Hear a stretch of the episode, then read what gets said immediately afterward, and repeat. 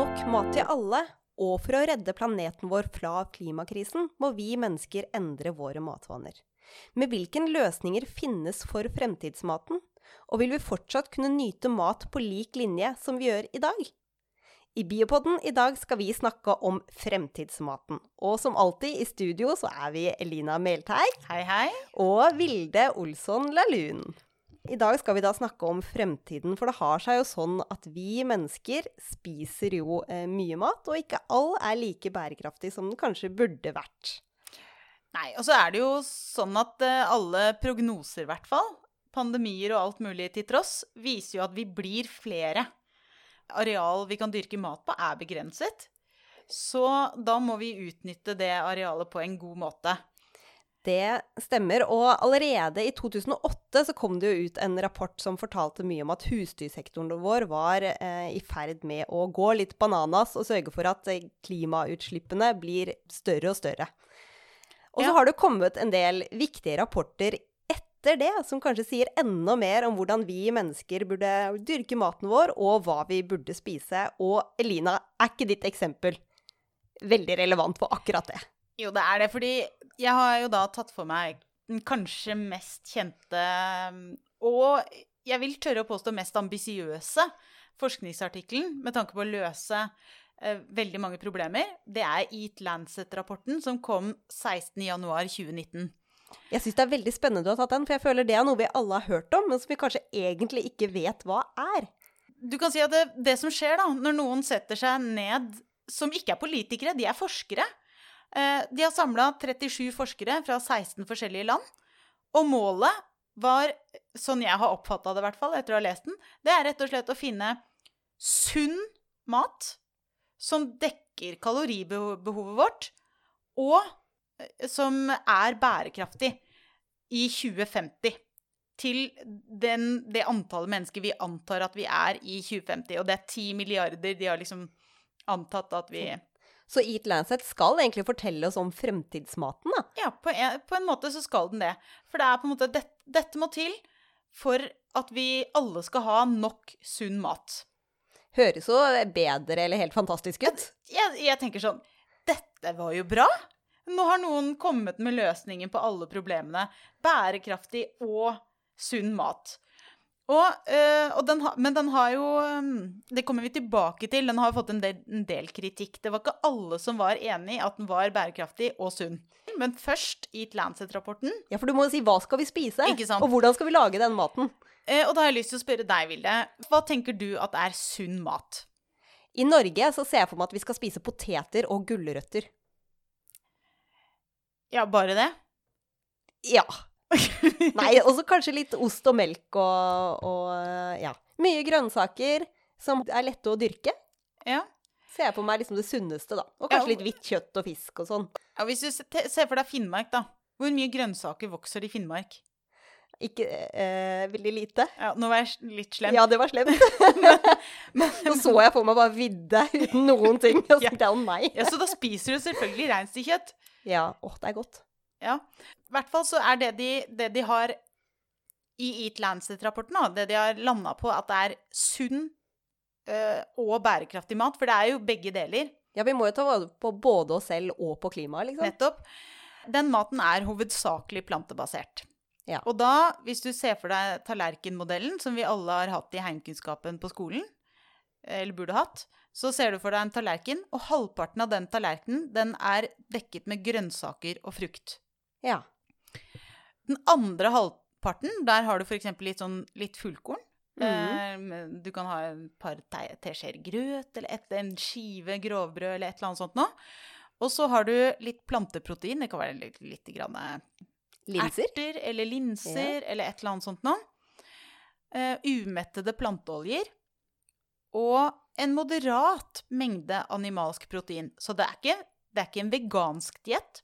Det er litt grann animalsk eh, protein, og da i form av kjøtt eller fisk. Det utgjør en bitte liten del. Ja, for det er jo veldig godt med animalske proteiner. Ja, Men om det smaker godt, det har de ikke brydd seg om i denne rapporten. Ok, så Nei. de har bare sett på hva som er det lureste. Nettopp. Eh, Og da er det jo, det er jo målet at hvis du lever av denne dietten Det skal jo ikke være en diett i den forstand. Altså det skal være Dette skal gå an å leve av. Og det skal være nok mat til alle.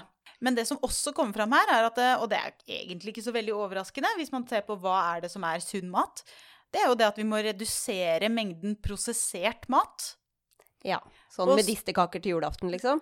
Nei, nå tenker jeg på liksom posesuppe okay. og, og pizza Grandiosa. Ja, OK. Ja.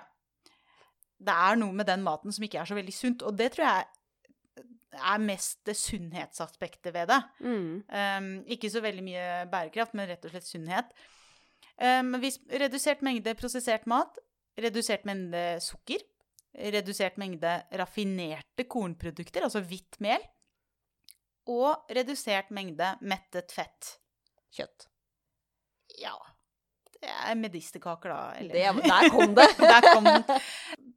Det det betyr, det er at globalt sett, ikke for hver enkeltperson De har ikke gått inn og sett hva du spiser til middag, Vilde, men, globalt så må vi doble vårt konsum av frukt, grønnsaker og nøtter. Og så må vi halvere inntak, inntaket av tilsatt sukker og rødt kjøtt. Hvis vi skal på en måte være i nærheten. Men det som jeg får litt inntrykk av, basert på det du har sagt nå, er jo at denne rapporten sier det vi allerede egentlig vet. Ja, jeg Vet jo liksom at jeg ikke burde spise lø- lørdagsgodt så, så ofte. Ja. Jeg ble ikke veldig overraska når jeg leste de tingene. Jeg føler at dette, dette har vi jo visst en stund. Mm. Så hvorfor gjør vi ikke bare det? Eh, Og de, de går jo ganske langt i å hevde at hvis alle følger denne dietten, så kan man unngå 11 millioner dødsfall knyttet til feilernæring per år. Ja. Det er en ganske Det heftig er, påstand. det er mange personer. Ja. Da ligger det jo litt i det at det, eh, feilernæring her Nei, det er ikke bare for mye sukker, men det kan være like gjerne være at folk spiser bare ris fordi de ikke har råd til noe annet. Så det, det går jo også den veien, da. Mm. At de som ikke har så variert kosthold, og som baserer seg på kanskje ris, risprodukter, at de også begynner å spise kjøtt, og da må jo vi spise mindre. Så det er litt av det som er i, i regnestykket her, da. Og en annen viktig faktor, at det skal være bærekraftig. Her var det også mye som jeg mener at jeg har lest før, så jeg ble ikke så veldig overrasket.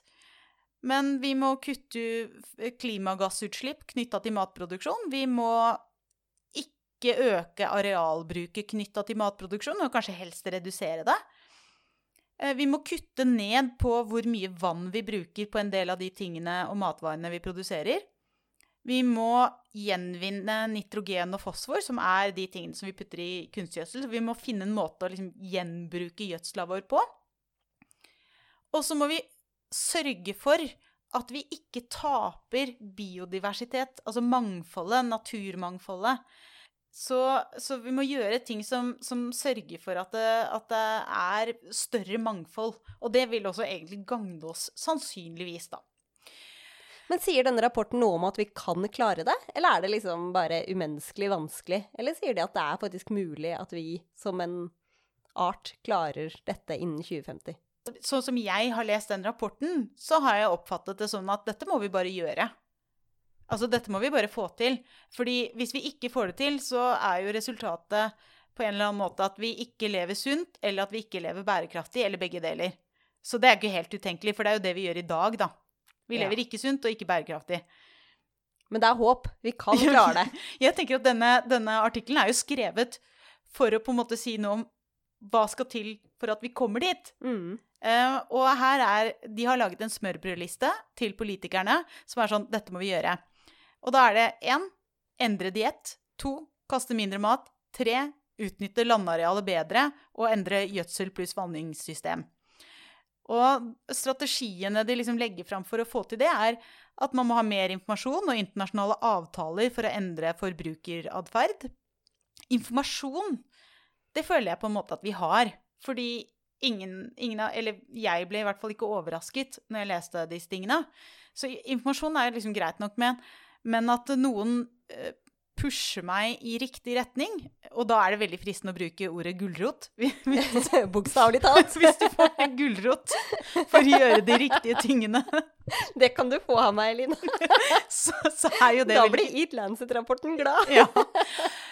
Og så mener de at det er en strategi at vi ikke skal produsere eh, Altså liksom ikke produsere nødvendigvis som vanvittige mengder av én mattype, men at vi skal vri matproduksjonen over til mer, mer sunn mat, på en måte. Og så må vi endre produksjonsmetoder, altså med tanke på gjødsel og, og sånn. Eh, vi må ikke øke arealet til jordbruk. Altså vi må sørge for at det som er jorder i dag, det må vi på en måte verne om. Og sist, men ikke minst av disse, disse, strategipunktene, det er at vi må redusere matsvinnet. For det er mange som har påpekt at vi lager jo egentlig nok mat. Ja, for det har jeg hørt mange si, at vi lager Hadde det vært liksom riktig distribuert til hele verden, så hadde vi hatt mer enn nok. Ja. Og så er det et av problemene er at vi, vi har jo Vi kaster den stygge maten. Altså, jeg skjønner jo det. Jeg står jo der i butikken, og så hvis jeg holder et eple som er blitt litt brunt, så tar jeg jo ikke det eplet. Nei, men i, i, sommer så prøvde jeg å gro mine egne gulrøtter, og jeg fikk to stykker, og den var så liten og skrukkete. Men den det er den beste gulroten jeg noen gang har spist. Så jeg anbefaler de stygge grønnsakene, altså. Ja. Jeg prøvde en gang å ha en, en tomatplante i vinduskarmen. Og jeg fikk én tomat, og det kan jeg si, det er den dyreste tomaten jeg har spist i hele mitt liv. Men den var, den var, veldig god. Det var verdt det. Eh, det er jeg ikke sikker på om jeg har lyst til å si at den var, men, men jeg har prøvd. Det er bra. Ja, Men uh, de har jo også i Eat Lancet uh, laget en veldig detaljert oversikt uh, med hvor mange kalorier per dag de ulike mattypene skal være, og også gram per dag, da. Så hvis vi Og det er jo litt av det som, som er ting som mange har kritisert her, fordi at Ja, for du sa noe om at denne rapporten har blitt litt kritisert, fordi nå det, alt det du har sagt nå, syns jo jeg høres bare helt riktig ut. Ja. Vet du hvor mange Vil du gjette hvor mange gram eh, rødt kjøtt Eat Lancet mener at jeg skal spise? Ja. Og da har de tatt med svin, svinekjøtt, i rødt kjøtt, som egentlig Men skal jeg gjette ekte, eller skal jeg ønske meg? Du kan gjøre begge deler. Ok, Da gjetter jeg på syv gram. Og så ønsker du deg 50. Ja, da er du et stykke unna. Eh, du var ganske nær hvor mye realiteten var. Det er 14 gram per dag i snitt. Så det betyr ja. at hvis du samler opp over en hel uke, så kan du liksom spise et sted mellom ja, 50 og 100 gram. Én dag. Ja. ja. Av rødt kjøtt. Det var lite kjøtt. Ja, det er lite, det er lite kjøtt. Og så har de tatt kylling og, og andre høns, eh, eller ja, i en eh, kategori, og det er 29 gram. Veldig spesifikt. Veldig, veldig spesifikt. Det var liksom, det, dette har de regna på. Dette er jo snitt, da. Ja. Uh, og det er da uh, egg, så er det 13 gram per dag. Og det er, da er det liksom nesten ett Det er kanskje et egg i uka. Så det er ikke ja. så veldig mye. Uh, fisk 28 gram. Igjen egentlig ikke så veldig mye fisk. Så er det 50 gram nøtter, da. Ja, det var mye nøtter. Jeg tror ikke jeg spiser så mye nøtter, egentlig. Nei, og så gror det jo ikke så mye nøtter Altså, det vokser ikke så mye nøtter i Norge. Det, det er litt. Sånn at veldig mange av Og det er jo et problem, da.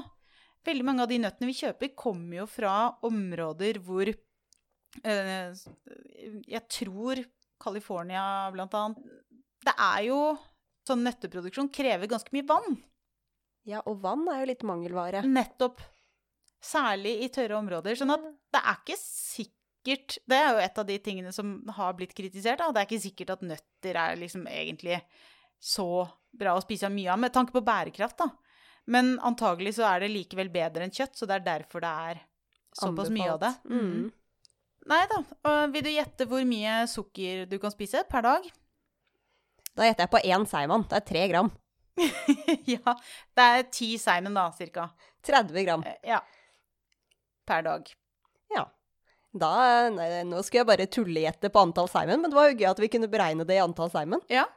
Poenget er i hvert fall at uh, det er en del ting som, som da har blitt uh, kritisert. En av artiklene handler jo om at disse globale retningslinjene de blir for spesifikke i, i hvert enkelt land. Fordi problemene er for forskjellige. Helseproblemene er for forskjellige, og hva som er bærekraftig å spise og produsere i det landet, er så utrolig forskjellig fra land til land. Så Norge, mye stein, mye fjord. Vi kan, vi kan lage masse fiskeprodukter som på en måte er kortreist og bærekraftig her. Det er ikke sikkert at det er så lett i Sveits. Nei. Ikke sant? Mm. Så det der å tre én løsning nedover alle, det er ikke sikkert at det er um, Og poenget deres her er jo det at eh, nasjonale retningslinjer kan kanskje i mange tilfeller være bedre. Ja. Eh, så er det jo litt sånn Kritisere litt grann studier på hva som er sunn mat, da. Og det er det også en annen eh, artikkel som er gjort. Og den heter Og den, det er en ganske grundig kritikk. Den kom ut i 2020. Og den heter 'Should dietary guidelines recommend low red meat intake'? Dette liker jeg. Ja. Det I korte trekk så er dette et forsvar for å spise kjøtt. Og hva begrunner de det med? Ja, nå skal du høre. Det første utsagnet er, er jo Som jeg har, jeg har gula det ut, for jeg tenkte det er så Du får ikke en forsker til å si det mer rett på. Men der står det rett og slett Mennesker er biologisk tilpasset til en diett som inkluderer kjøtt. Jeg er jo veldig glad i kjøtt, så jeg liker jo det jeg hører. Ja, eh, og de begrunner det med følgende. De sier at vi mennesker vi har mistet evnen til å produsere et veldig viktig vitamin, vitamin B12. Og det indikerer at vi har hatt kjøtt som en veldig viktig del av vårt kosthold i svært lang tid, fordi at B12 får man bl.a. Fra, fra kjøtt. Og de finner også at vår Det er ikke disse forskerne som finner det, da, men det er flere studier som viser at vår tarmkanal er kortere enn eh, andre menneskeaper. Og det også er en ting som de mener at indikerer at man har en eh, kjøtt i dietten, for det er lettere å ta opp maten. Du trenger ikke en, en så lang tarm for å prosessere plantematerialet. Så eh, skriver de også at eh, vi mennesker, vi sliter med å lage eller konvertere fettsyren eh, ALA.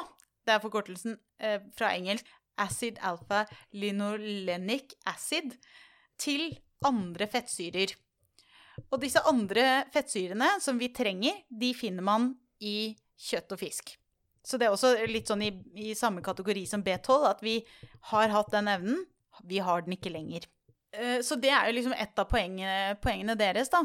At eh, de mener at det er ganske solide bevis for at vi sånn historisk sett, som art, er eh, kjøttspisende. Ikke bare kjøtt, men at vi trenger litt kjøtt i dietten. Men eh, da, fordi nå denne, denne studien kritiserer jo da litt den Eat Lancet-rapporten, som siden Eat Lancet-rapporten sier at man skal spise mindre kjøtt. Ja. Jeg vil bare si at eh, mitt eksempel på hvordan vi skal redde fremtidsmaten, er løsningen på problemet. Så det kommer rett og slett Det, kom, det kommer en løsning på problemet. Ja. Ja, det var veldig godt å høre, fordi eh, en, eh, det siste poenget da, fra denne kritikken av Eat Lancet, det er Og jeg, sånn rent vitenskapelig så vil jeg si at det er litt interessant, fordi at det, eh, de går rett på hvilke studier Eat Lancet har inkludert i hva som er sunn mat. Og veldig mange av gitt Lancet-rapportens eh, studier om hva som er sunt, det er såkalte observasjonsstudier. Og det som er litt vanskelig med det altså Se for deg at du får en sånn spørreundersøkelse. Hva har du spist denne uka? Og så sitter du og krysser av, og så husker man kanskje ikke helt hva man har spist. Og så man, man har jo litt lyst til å fremstå som sunn. Så du, det er kanskje lettere å glemme at du spiste de der seigmennene, da. Men De ti, som var alle mine gram. nettopp Ja. men, men salgstallene viser jo at det, disse, disse produktene blir solgt. Ja. Så forskerne vet jo at det, folk spiser dem, men de glemmer dem. Så er det sånne observasjonsstudier finner jo ofte også korrelasjoner. Altså det er en sammenheng mellom f.eks. antall tilfeller kreft og antall Nå er helt sånn tilfeldig eksempel spiste seimen. seig- ja. Og det kan godt hende at de to tallene henger sammen. Men det kan også hende at det er helt tilfeldig at du har spist mye seigmenn og får kreft, ikke sant? Det er ikke sikkert det har noe med hverandre å gjøre i det hele tatt, eller at det er en helt annen sammenheng. enn det, det det ser ut som i utgangspunktet. Ja. Kanskje du spiser disse seigmennene mens du sitter og ser på TV, og så er det TV-tittingen som er farlig. Problemet. Og det får de litt kritikk for, fordi at da har de valgt veldig mange altså liksom alle, alle artiklene om hva som er sunt, er liksom basert på det, da. De trekker jo fram noen eksempler på observasjonsstudier. Noen av funnene er at eh, å spise tolv hasselnøtter per dag, det forlenger livet ditt med tolv år. Har du spist hasselnøttene dine i dag? Nei, det har jeg ikke. Nå tenker jeg at vi burde begynne med det på hver eh, podinnspilling. Ta litt hasselnøtter. Ikke, ikke sant? Én nøtt for hvert år du har lyst til å leve lenger. Ja. Mhm. Eh, hvis du drikker tre kopper kaffe hver dag, hvor, lenge, hvor mye lenger tror du det Nei, det håper jeg veldig lenge, for jeg drikker i hvert fall tre kopper kaffe om dagen. Ja. Så jeg håper det er mange år. Kjempefint. Det er tolv år. Jeg kommer til å bli så gammel. Ja. Og hvis du legger sammen det og nøttene, Ja, 24 år til. nettopp Men jeg vet ikke om de liksom teller sammen. ikke sant? Det er det som er vanskelig her. Ja. Kanskje du bare får tolv år allikevel. Eh, Ja, da går jeg for kaffen. De ja, hasselnøttene, de får eh, Da får de bli. Ja. Hvor mye tror du at du reduserer livet ditt hvis du spiser to skiver bacon per dag? To måneder. Jeg er veldig glad i bacon. Ti år. Nei! Nei, Nei dette tror jeg ikke noe på. Nå jo, må vi gå videre, Lina. Elina. Jeg vil, ikke tre- være, jeg vil ikke være med på dette lenger. Hvis du kompenserer med tre kopper kaffe per dag, så er du i null, da. Ja, altså Hvis jeg går for kaffe og bacon, så er det liksom Ja, da er du null. Ja, det liker jeg. Ja, og det er det som er vanskelig med disse studiene. Litt sånn at man finner en sammenheng med at det, det å spise ett egg per dag reduserer livet ditt med seks år. Og hvor lenge, hvor, over hvor lang tid har disse studiene pågått, og hvor lenge husker folk dette egentlig? Og hvilke av alle de tusen andre tingene som spiller inn, ikke sant? Veldig, veldig vanskelig å si noe sikkert basert på den typen eh, forskning. Så nesten alt vi spiser, er en del av denne pluss- og minus-regnskapet. Og det er nesten umulig. Å si noe om regnskapet egentlig, da. Ja, det er veldig, veldig vanskelig. Og det vi vet, er at et sunt kosthold er i stor grad variert. Ja. Så liksom et variert kosthold, litt planter, litt kjøtt, litt fisk Det, er, det har vært det som har vært anbefalt i alle år. Og det er det de anbefaler i Eat Lancet. Men Ja, men med, med mindre kjøtt, da. Med mindre Vesentlig kjøtt. mindre kjøtt. de sa eh, vesentlig mindre kjøtt. Men vi har jo nå hørt at kanskje så skal man spise litt kjøtt. Det er jo en, en diskusjonssak. Ikke Men sant? det som er sikkert og visst, er jo liksom at husdyrproduksjonen er jo ganske dårlig for klimaet vårt. Ja, det er, Så det er jo bred lage- enighet. Ja, der er det bred enighet. At Ja. liksom det å, å produsere dette kjøttet ikke er så godt for klimaet vårt. Men der har jeg en løsning. Nydelig! Nå er jeg veldig spent. For jeg har bestemt meg for, når vi skulle se på fremtidsmat, så tenkte jeg hva syns jeg er viktig for fremtidsmaten? Ja, For det ble litt sånn dystert. Det ble veldig dystert. Derfor jeg tenkte at nå skal jeg, nå skal jeg ha løsninger på problemene du har nevnt. eh, og min første løsning er at kjøtt er godt, og man kan gro kjøtt i en petriskål. Altså i en liten glasskål på laboratoriet, så kan man gro kjøtt som man kan spise. Og det er det eksempelet jeg har lyst til å ta opp i dag. Er du imponert? Ja, jeg er kjempeimponert, men jeg tenker er det, er det godt? Kommer folk til å ville spise det? Altså, og, og ikke minst kommer folk til å tenke at det er syntetisk kjøtt, at de da ikke vil ha lyst til å spise det. Ok, så jeg må starte helt på starten. Starta tidlig, tidlig 2000-tallet. Da var det to forskningsgrupper. Den ene fra NASA. Syns alt fra NASA er veldig gøy. Så veldig gøy at det er fra NASA. Den andre het Tissue Culture and Arts Project. Ja. Uansett, de to begynte, eh, forskningsgruppene begynte å tenke kanskje vi kan klare å gro kjøtt i, eller på labben, da, som man faktisk kan spise. Og eh, dette har egentlig bare utvikla seg, og det er flere og flere forskningsgrupper og personer som har prøvd å gjøre akkurat dette. Og det er egentlig basert på en ganske sånn eh, enkel metode i teorien. For da er det at du tar, henter ut noen celler fra dyrene, putter de i en petriskål, eller i en skål på labben, og så gir du disse cellene eh, kjemikalier og mat, eller liksom Det tre cellene trenger for å vokse? Det cellene trenger for å vokse og gro og dele seg. Og det cellene trenger fra, til å liksom utvikle seg til å bli muskelceller, da, for det er jo det vi spiser.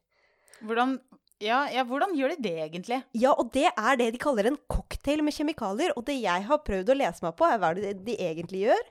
Eh, og for å forstå det, så må man forstå litt om litt sånn muskelutvikling og sånn, så det var veldig komplisert. Eh, så jeg gikk ikke helt sånn inn i akkurat hvordan de liksom driver utviklinga av de, de, cellene til muskelceller. Men jeg tror også at mye av dette er jo eh, eh, ikke offentlig. Fordi folk har lyst til å tjene penger på det, hvis de faktisk finner en utrolig fin måte å lage eh, muskler på, altså kjøtt på, i en petriskål. Ja, nettopp. Så det er hemmelig fordi at det, de har patentert det. Ja, eller i hvert fall prøver å patentere det. For det jeg har skjønt at er vanskelig, er Én eh, ting er hvis du har én celle, så kan du få den til å dele seg. Det er greit. Og så kan du få disse cellene til å bli muskelceller, altså det vi spiser. Det er også greit. Men det som er vanskelig, det er å få disse cellene til å liksom bli et kjøttstykke. Altså mange celler som er kobla sammen med liksom blodårer og sånn mellom seg, så de liksom er en levende, ordentlig kjøttstykke. Det er det som er vanskelig å få til. Ja, Så de, det er på en måte, det er lett å lage kjøttdeig, men det er vanskelig å lage biff? Ja, akkurat. Og det, det er akkurat der liksom problemet ligger. Men det du sa om at det er lett å lage kjøttdeig, det eh, stemmer.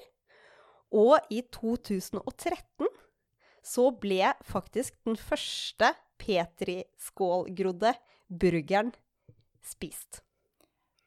Og eh, da er jeg veldig spent på har vedkommende sagt noe om hva det smakte? Ja, og de sa at det smakte akkurat likt som en vanlig burger. Og de har også selvfølgelig analysert dette og funnet ut at det er like sunt eller usunt da, som vi egentlig har kommet fram til, som helt vanlig kjøtt. Så det er egentlig akkurat helt vanlig kjøtt, på godt og vondt, men som ikke er laget i et dyr. Altså, jeg syns det er litt festlig hvis de har liksom passet på å få den syntetiske burgeren til å være like usunn som vanlig burger. De hadde sjansen til å gjøre den litt sunnere, men nei. Nei, det er jo tingen er at de vil lage akkurat Det er jo fra et dyr, ikke sant. Det er jo mm. dyreceller, så det er, blir jo det samme som egentlig eh, et helt vanlig kjøtt. Men det som er veldig spennende, som jeg har lest på, er jo Ja, de har lyst til å lage dette, og det er fint, men det som er fint med det, er at det er jo løsningen på alle de kjøttproblemene som du nevnte i stad.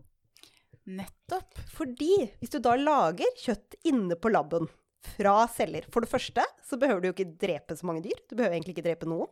For du kan hente ut de cellene du skal bruke til å lage kjøttet, og så kan dyret bare leve videre. For det blir jo som en liten biopsi som vi tar i menneskekroppen hvis du ja. tror du har en sykdom.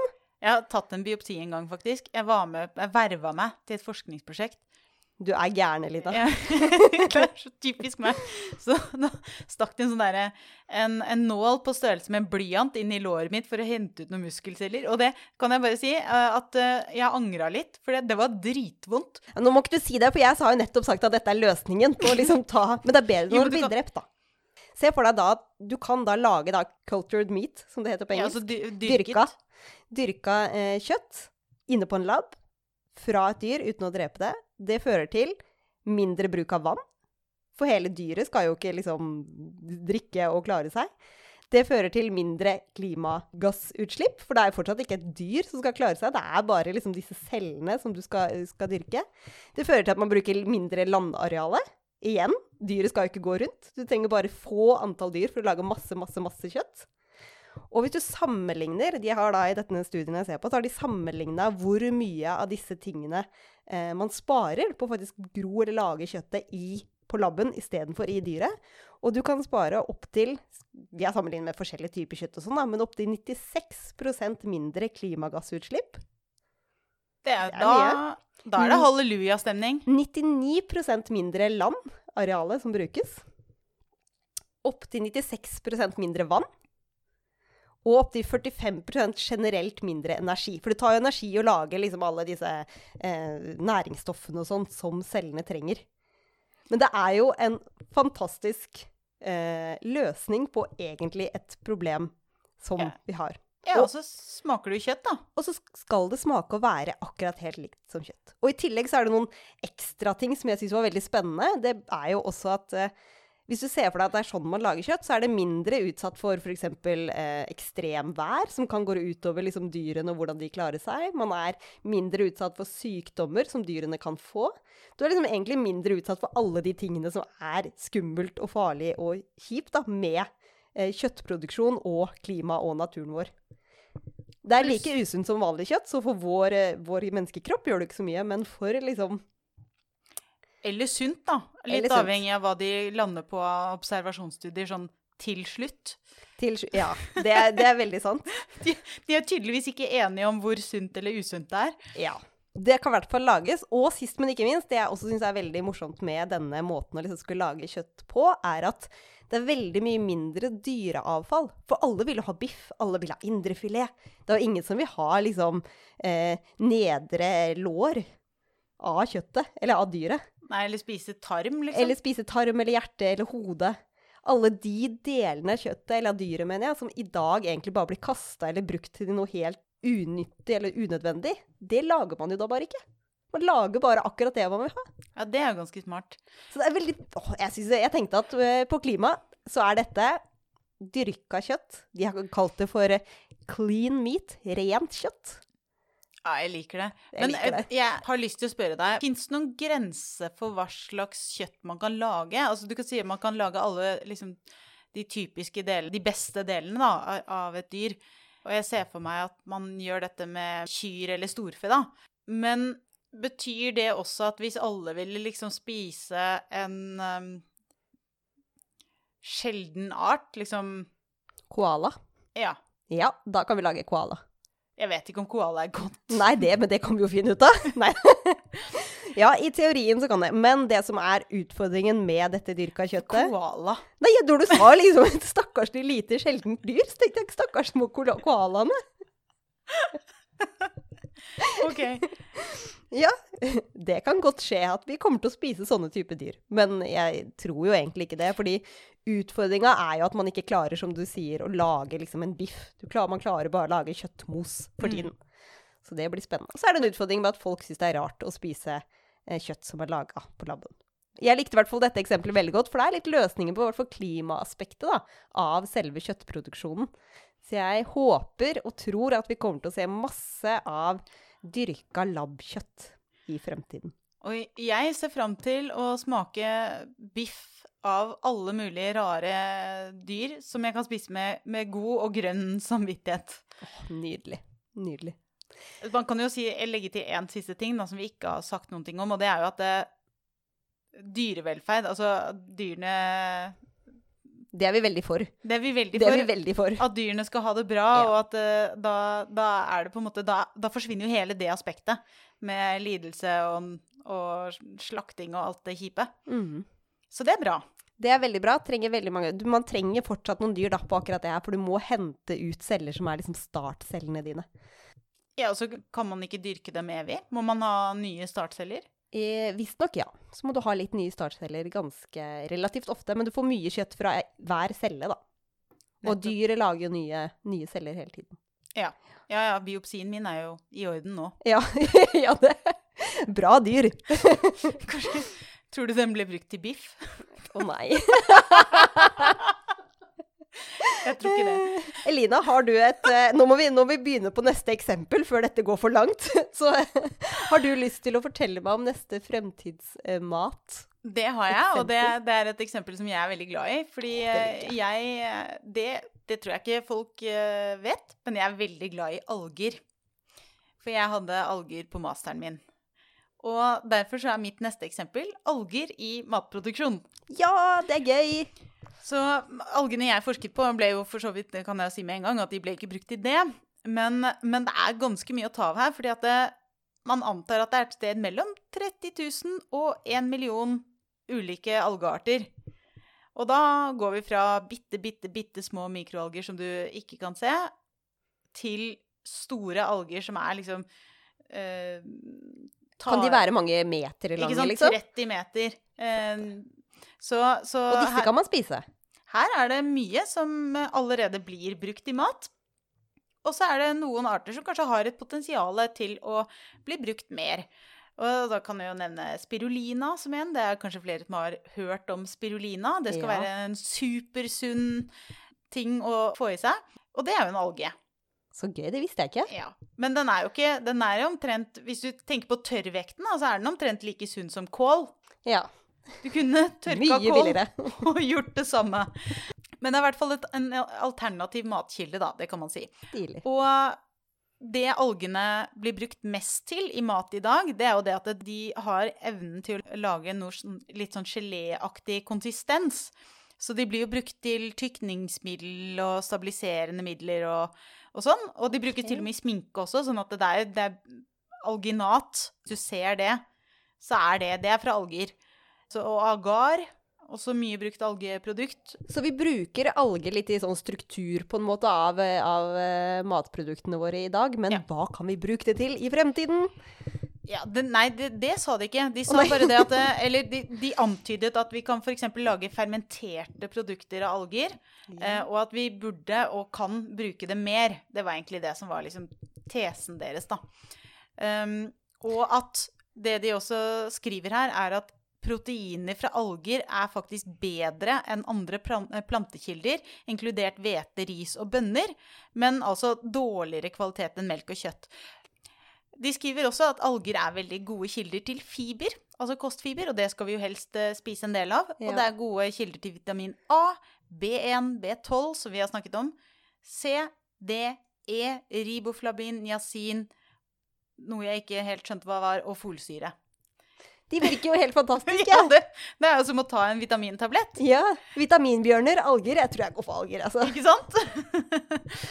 De er også fulle av sporstoffer som Det er, det er eh, supert.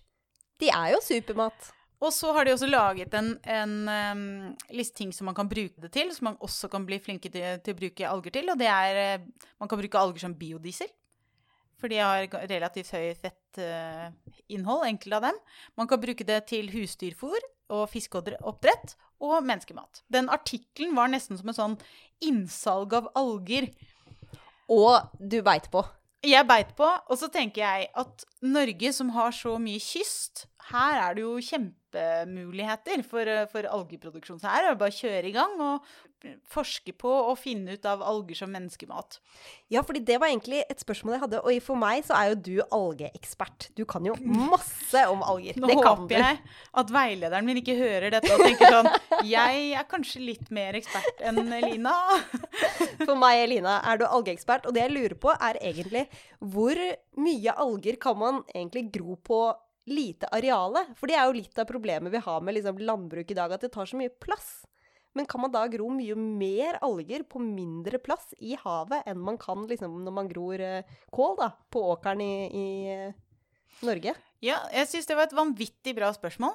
Fordi um, Og det finnes jo et slags Eller jeg skal prøve å svare på det. Fordi du kan se for deg at alger er jo litt som en plante. Den trenger lys. Ja. Så når det ikke er noe særlig lys, så er det veldig vanskelig for algene. Eh, Det finnes alger ganske langt ned som utnytter seg det bitte, bitte, bitte lille lyset som er igjen, men, men de vokser ofte veldig langsomt. Ja. ja, vi vil vel ha de på toppen som får masse lys og vokser fort og blir fyldige og gode. Ja, poenget her er jo produksjon, ikke sant? La oss gjøre sånn liksom røff antakelse på at de ti øverste meterne er, er det godt med lys. OK, ja. Eh, Det er nok lys lenger nede òg, men, men ja. Og så kan du se, tenke deg at den, de ti meterne, det er jo tre dimensjoner. Altså, det er ti meter ned, Ja. men så er det jo hele det arealet du vil dekke. Mm. Så der hvor du i på et jorde har to dimensjoner, da, ikke sant, en flate, så kan du se for deg at du ti meter opp i lufta har eh, kålhoder, stabler kålhoder oppover. Da har du på en måte eh, ganske mange mye mer. Det er mye mer sånn i biomasse eller volum. Så kan du jo dyrke ganske mye mer. For det jeg lurte på, er, var det, eller er det sånn da at de øverste algene tar all sollyset, så de under ikke får noe? Eller slippes det såpass mye gjennom at du faktisk eh, Jeg tror ikke de klarer å ta opp alt. Altså hvis du Jeg har prøvd å dykke en gang i en algeoppblomstring midt i algeoppblomstringen i Oslofjorden.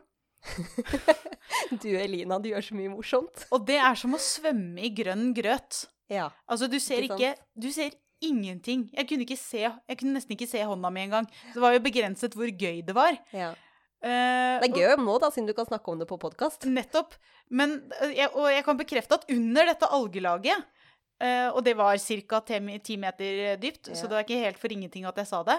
Under, under der så var det ikke så veldig mye lys. Så det Nei. var som den, noen hadde lagt et teppe av alger. Over. over. Mm. Det er nok først og fremst knytta til når det er sånne oppblomstringer, så det, jeg tror det varierer en del. Men det er potensialet. Det er potensialet.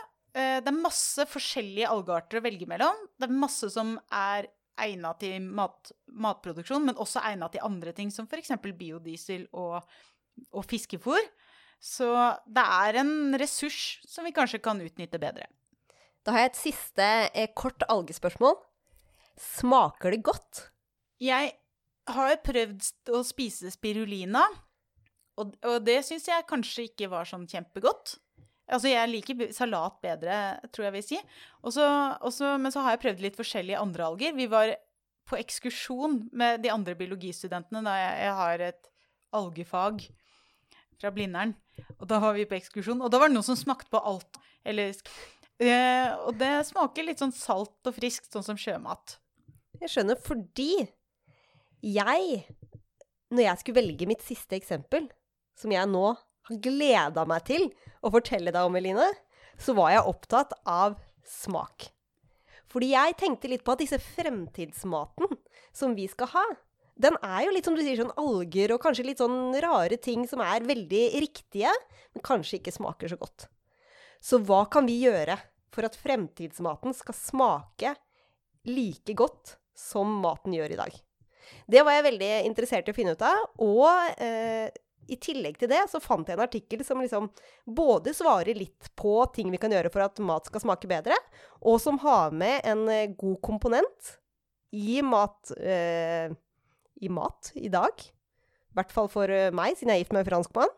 Og det er vin. Å, det er herlig. Fremtidsvinen. Det er fremtidsvinen, eller det er egentlig ikke det, men det er hvordan musikk påvirker smak. Og hvordan da, dette studiet, hvordan bakgrunnsmusikk påvirker smaken av vin. Så det du prøver å si nå, er at hvis jeg hører på Bach, eller hvis jeg hører på hardrock, så vil jeg ha to helt ulike smaksopplevelser av den samme vinen. Ja, egentlig. Og, og det høres jo egentlig litt rart ut, men hvis du tenker over det, så er det litt sånn at sanser, andre typer sanser, har ofte påvirkning på hva vi smaker. For eksempel så vet vi jo alle at liksom et knasende og godt potetgull, som liksom lager sånn knekklyd når du spiser, er jo mye bedre, smaker jo mye bedre enn det litt sånn vassende, ikke-knekkete potetgullet som har ligget på benken halvåpent i timevis. Så det er litt som den reklamen at lyden er halve opplevelsen. Lyden er halve opplevelsen. Det er akkurat sånn.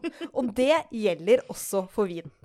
Og dette var det noen forskere som eh, fant ut av. Vil du vite eh, hva de gjorde? Ja. Det som er fint med vin, er at det er lett å få studenter til å være med på smaksprosjekt. Jeg skulle akkurat til å si sånn Hvordan verver man seg til det studiet? Altså, Ja, det vil jeg være med på. biopsilåret, Det, jeg, det trenger jeg ikke gjøre igjen. Men jeg kan godt være med på sånn der vin, drikke vin og høre på musikkstudiet. Så hvis det er noen forskere der ute som skal verve noen, så bare ta kontakt. For jeg kan godt komme og drikke vin og høre på musikk. Det er helt greit. Det var egentlig nesten akkurat det de gjorde. Så disse forskerne de hadde fire forskjellige eh, typer musikk. Og så det første de gjorde, var å ha en slags eh, referansegruppe av studenter eh, som fikk høre på de forskjellige sangene. Og så skulle liksom, studentene beskrive disse sangene med ett adjektiv hver. Og det var veldig forskjellige sanger. Så den ene sangen var liksom kraftig eh, og tung, var det den ble beskrevet som. Den andre var raffinert og pen. Den tredje var en forfriskende eh, sang. Og den eh, fjerde var eh, en forsiktig og myk sang. Det der høres jo egentlig ut som de der vinbeskrivelsene Ja. Det var akkurat det de gjorde. Eh, For tingen var at i tillegg til disse studentene, så hadde de noen vineksperter inne som skulle eh, fortelle, eller skulle plukke ut de adjektivene som studentene sa, men som også kunne brukes til å beskrive vin. Det er juks. Det, Det- syns jeg er juks. Nei, for disse studentene hørte bare på musikken. Oh, ja. Så det oh, ja. var, ja, disse, det var bare for egentlig å finne hvilket adjektiv skal man bruke i denne studien. Mm. Og så kom selve studien. Og eh, dette er bare min eh, idé om hvordan den ble gjort. For de har ikke akkurat skrevet hvordan, hvor de sto og sånn, men jeg liksom ser for meg at disse står midt på universitetsplassen. Med studenter svirmlende rundt i alle kanter. Et svært bord med masse forskjellig eh, glass med vin. Og litt sånn bakgrunnsmusikk. Og så står de der, og så sier de hei. Vil du smake på denne vinen og si hvordan du syns den høres ut som? Fredag ettermiddag. Mange ble med. 250 studenter fikk de i løpet av én eh, dag med, med, forskning. Og det de gjorde, var at som bakgrunnsmusikk så satte de på én av de fire sangene. Og så ga de vin til de forskjellige studentene. Og etterpå så måtte da studentene beskrive eh, vinen. Og de skulle beskrive disse basert på disse adjektivene. Så de, de fikk liksom spørsmål Syns du denne vinen var kraftig? Ja, nei. Syns du den var raffinert? Ja, nei. Så de fikk akkurat de adjektivene som også var beskrevet for sangen. Og det viste seg da at studentene beskrev vinen basert på hvilken sang de hadde hørt, mens de drakk vinen. Og i tillegg så var det sånn at uh, de skulle til slutt, syvende og sist, si noe om de likte vinen eller ikke. Og her var det jo mange som sa ja eller nei, basert på om de virkelig likte vinen eller ikke. Men det var liksom noen av sangene som var mer sånn lystbetonte og fine. De fikk at flere studenter likte vinen, da. Det er jo helt sjukt. Så hvis du er ute på restaurant, så må du liksom passe på å spille musikk som gjestene liker, da. Ja, egentlig. At det må skape en sånn stemning. Og så sa de jo også veldig mye Akkurat det med smak jo, er jo basert på også hvilken personlighet du har, om du liker tunge ting, eller om du liker forfriskende ting og litt sånn. Men det var veldig sammenheng mellom liksom hva de hørte på, og hvilken smak de hadde. Så det betyr jo da at når vi skal spise algene dine, Elina, så vil jeg at vi skal høre på en eh, forfriskende sang. Så jeg syns det er forfriskende og riktig å, å spise alger. Ikke sant? Du er sikker på at det ikke er Vi skal kombinere det med syntetisk kjøtt og noe litt tyngre, sånn at uh, kjøttet får en liksom fylde og Ikke sant? Du er med med en gang! Ja, jeg er det er så med. bra! jeg liker det. Uansett, jeg syns det var veldig gøy hvordan liksom, musikk påvirka egentlig smaken de følte da, for disse, denne vinen. Når jeg hører de tingene her altså en ting er å liksom begynne med Eat Lancet, som for så vidt også er løsningsorientert. Dette må vi gjøre for å, å, at det er nok og sunn mat til alle i 2050. Men når jeg hører disse tingene, så tenker jeg at det er gode sjanser for at, at det er ålreit å leve i 2050 også. Det blir bra mat og drikke i 2050 også. Ikke sant? Ja, det er bra. Men du Elina, jeg tenker kanskje at vi skal avslutte med noen fun facts? Jeg har, en, eh, jeg har jo en fun fact. Ja. En algefact. Å, hell. Åh, det er ja. gøy. Det er gøy med alger. Og det er rett og slett en alge som er veldig mye brukt i mat i dag. Og det er på en måte sushi Jeg kaller det for sushialgen. Ja! Er det den man har sånn nir... Nei, hva heter det? Altså, hvis du eh, spiser sånne makeruller, ja. sånne ruller med liksom ris og så et eller annet inni Og så er det jo det svarte. Det svarte rundt, det er en alge. Det må være verdens mest spiste alge. Sikkert. Eh, jeg har noen tall her. eh! Jeg, jeg har ikke tall på alle andre alger, men jeg har tall på akkurat den algen. Jeg, eller det er ikke nødvendigvis bare én, da. Men det er en, en porfyra. Og det er 133 uh, ulike porfyra-arter rundt omkring. Men det er seks av disse artene som blir dyrket uh, for å spise. Og det er porfyra jesuensis, Porfyra tenera, Porfyra haitensis, Porfyra saudolinearis, Porfyra dentata og Porfyra angusta. Jeg syns det er juks, for det er tydelig at du har øvd på de latinske navnene. Det syns jeg er juks. Tingen med latinske navn er at man skal si de uten å ha lest de før. Så det er juks. Det var bra lest. Og så I Norge så har vi jo også en uh, porfyra-art, og det er uh, porfyra umbilicalis. Du har til og med øvd på den! Den var jo Ja, og, den, og den, er jo uh, den er kjempefin å se på, fordi den, i vann så ser det ut som en sånn stort, rødt blad. Så den er veldig, veldig stilig, og den kan man også spise, men den blir stort sett ikke dyrket kommersielt, da. Eh, og vi kaller den for fjærehinne på, på, norsk. Og det som er litt morsomt, er at eh, på japansk så kalles eh, dette bladet, eller den, de, disse algene som blir brukt i sånn sushi, de kalles for nori. Så ja. jeg, jeg, skal innrømme at lenge så trodde jeg det egentlig het porfyra nori. Det Ja, det skjønner jeg. Ja. Mm. hele den slekten. Jeg kan ikke garantere at det ikke er en som heter det, men, men jeg trodde at det liksom bare gjaldt alle. Vet du hva den heter på koreansk? Nora? Kim. Ja, det er bra. Jeg liker det.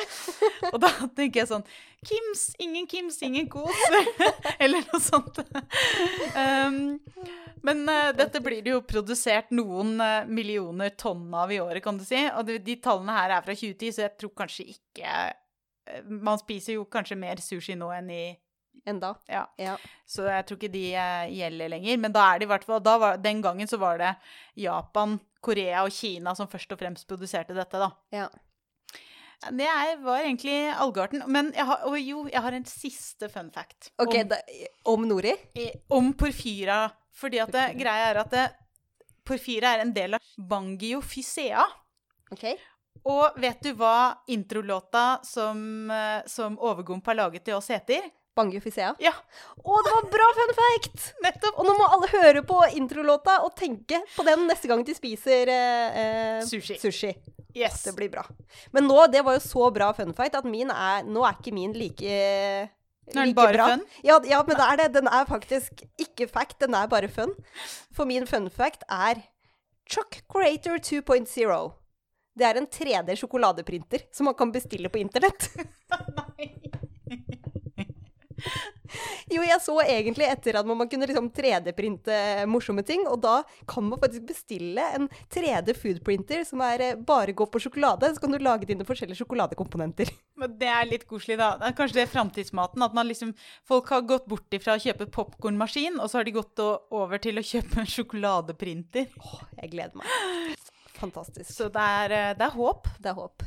Ja, basert på dette, bra fun fact, bra fact, så kan vi vel si at det er håp for frem fremtidsmaten. Ja. Og for klima. Ja. Så bra. Takk for i dag. Ha det bra.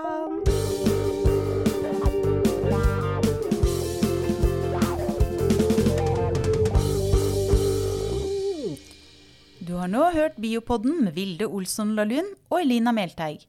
Og med på laget har vi også Torborg Galtland, daglig leder i Norsk biologforening. Denne episoden av Biopodden er laget i samarbeid med Tømtestiftelsen, og er en serie på seks episoder som erstatter Biokonferansen. Årets tema er mat. Podkasten utgis av tidsskriftet Biolog, som eies av Norsk biologforening. Musikken du hørte, er laget av biologibandet Overgump, som består av Even Sletteng Garvang, Markus Fjelle, Erik Møller, Mathias Kirkeby og Audun Rugstad. Fortell gjerne om podkasten til venner og kjente, og gi oss tips og tilbakemeldinger på e-posten biopodden alfakrøllbio.no. Og hvis du vil støtte oss, så er du hjertelig velkommen som medlem av Norsk biologforening. Vi høres.